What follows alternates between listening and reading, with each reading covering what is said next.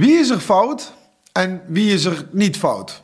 Wie is er vrij van schuld en wie is schuldig? Wie gaat er dan naar de hemel en wie gaat er dan niet naar de hemel? En moet het eigenlijk allemaal wel zo moeilijk? Is er eigenlijk wel rechtspraak nodig? Dit is de Midweek Update.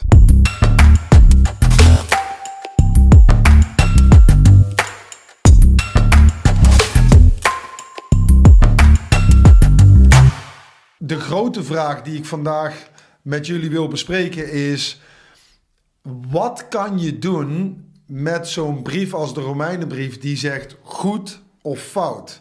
En is het wel nodig om te zeggen goed of fout? Right. Right? Yeah. Well, I think it is.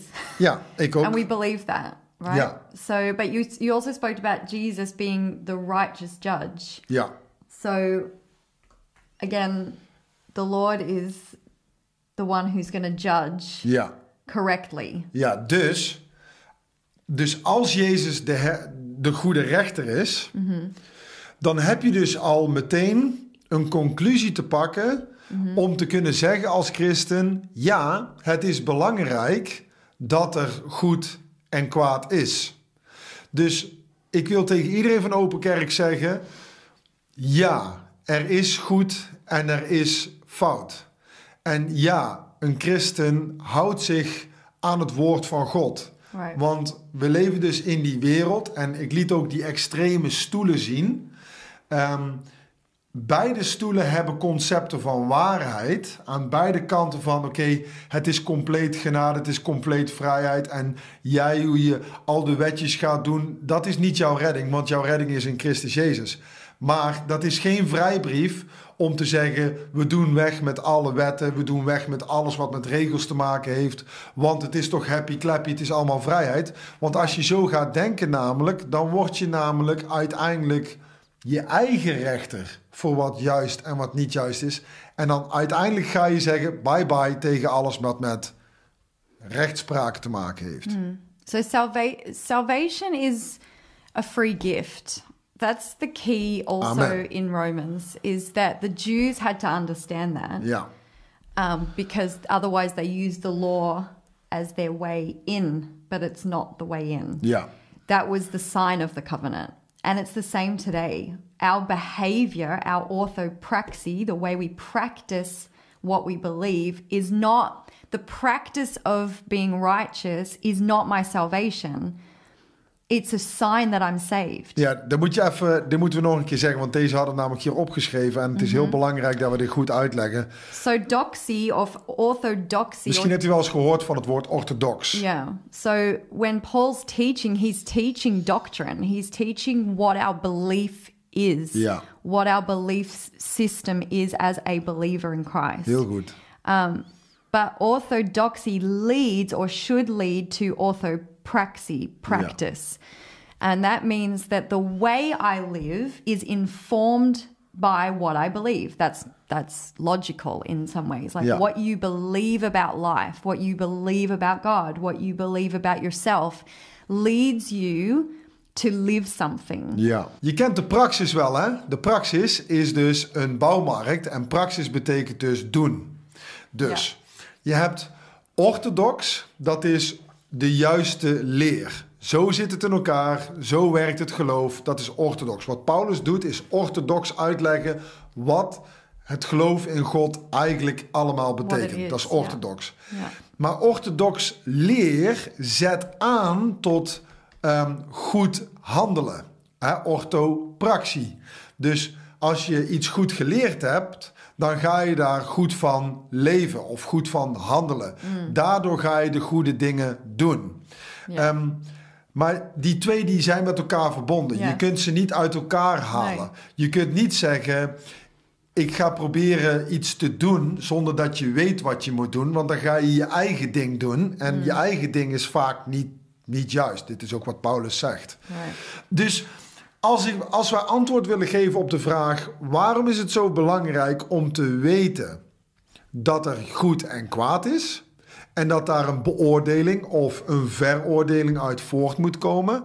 Het is belangrijk namelijk dat jij dit weet... omdat je door het weten van wat juist en wat niet juist is... daardoor ga jij handelen. Ja. Daardoor ga jij jouw leven From that indelen. you're live. Yeah. En ik wil vers 13 nog eens een keer voorlezen, want Ja. het is een hele belangrijke. Want niet de mensen die de wet van God kennen, worden door God vrijgesproken van schuld, maar de mensen die de wet van God doen. Dus hier gaat het weer. Dit is precies wat je net zei. Je hebt dus praxie en orthodoxie. Het is niet alleen maar genoeg om te zeggen: ik ken Gods wet en that's it. Right. Je moet hem ook doen. Yeah. Maar het is ook andersom. Het is niet alleen maar dat je probeert iets te doen. Je moet ook weten wat God wil. Daarom is zijn woord ook zo enorm belangrijk. Right. So, a couple of clarity things. We're not working for our salvation. Salvation is a free gift. But once you're in the kingdom, yeah, you, exactly. you want to show that you're part of that. You want to show, in essence, you, again, your belief system is transforming you. We talk about God, the Spirit of God through the Word of God transforms us. Ja, and Paul is also huge on this. It's it's a transformation journey.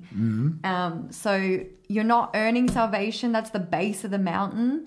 Once you're in through the grace gift, though, then you long to live the way God has created you to Ja, live. ja. And that's the difference.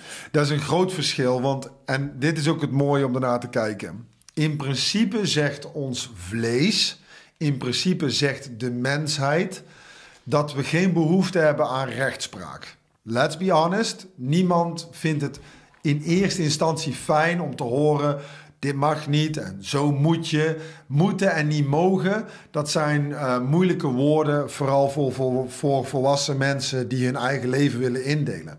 Maar eh, laten we het eens andersom zeggen. Weet je hoe fijn het is om, om een beloning te krijgen voor de dingen die je goed doet? En wat ik afgelopen zondag tijdens de preek ook al zei, is wat je nu net weer zei, is pas als je beseft dat Jezus goed is, als je beseft dat we een liefdevolle Vader hebben, als je beseft dat er beloning in onze liefde voor God zit, Yeah. als je dat gaat beseffen, en de hoofdles van vandaag, als je gaat geloven dat het goed is om goed te doen, Yeah. en als je gaat geloven dat het absoluut fout is om foute dingen te doen, als je dat gaat geloven, dan ga je op een gegeven moment zeggen: Ik wil goed Yeah. doen. Plus, Ik no, wil God yeah. blij maken. There's no reward in doing bad stuff. Exactly. There's no reward. It's the wages of sin are death. Ja. The the literal payment for our sin brings nothing but destruction. And we see that in this life, but you will see that will continue. There's a continuum from this age into the next. I think that's important. The way I live now does impact the internal. It Yeah. does impact my reward there. Yeah. So for the Christian, again, coming back to, I'm not standing before the judge, Jesus, if I'm saved for some punishment. He says, I've covered you. Ja. You're, you're paid for. You, you're in my kingdom already. Now I'm judging.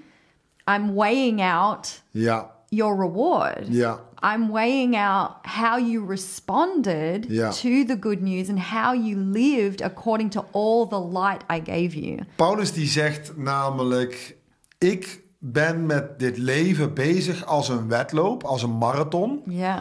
En ik wil eigenlijk de hoofdprijs van deze marathon winnen. Yeah. Met andere woorden, Paulus zegt: Ik weet niet wat jullie doen, maar ik ga voor de hoofdprijs. I love Paul. En het is juist goed om, eh, laten we dus, als je dus moeite hebt met het mag niet bla, bla, bla gebeuren, focus je dan op het goede willen doen en daar de vader blij mee willen maken. Want dit is absoluut een volwassen concept van geloof. Yeah. We love reward. Ik zie mijn zoontje Joshua, Ja. die is altijd bezig om mij blij te maken. En hij smelt van geluk als ik bij hem, als we in de auto zitten Mhm. en hij komt terug van het zwemmen. Hij heeft zijn A-diploma gehaald en ik zeg tegen hem, Joshua, ik ben trots op jou. En dan Right. geef ik hem een knuffel en een kus op zijn hoofd. Ja. En zeg ik, ben trots op jou. Ja. En dan smelt die jongen van geluk. En zo is de vader in de hemel ook. Hij wil tegen mij kunnen zeggen, Tim, ik ben trots op And jou. I've got treasure for you. Yeah. En als Jezus zegt, maar Tim, ik heb dit nog tegen je, dan moet ik dan niet zeggen van, ah, er is, ah, dat, is allemaal niet nodig, dat wil ik niet horen.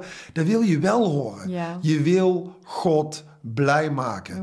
Dus doet het ertoe dat er goed en fout is? Ja, dat doet ertoe. Doet het ertoe hoe wij dat dan invullen en hoe we ernaar handelen? Of is het alleen maar vergeven en we zien het later wel? Nee, het doet er. Wat wij vandaag doen, doet ertoe. Matters. Yeah. En ik wil afsluiten met de Bijbelvers die ik van heel belangrijk vind. Is ehm, vers 15 en vers 16. Vers 15 zegt namelijk het volgende. De mensen die de wet van God niet hebben, vers 15. Ze laten zien dat in hun hart staat geschreven wat de wet van Mozes eist. Hun geweten en hun gedachten vertellen hun of het goed of kwaad is wat ze doen.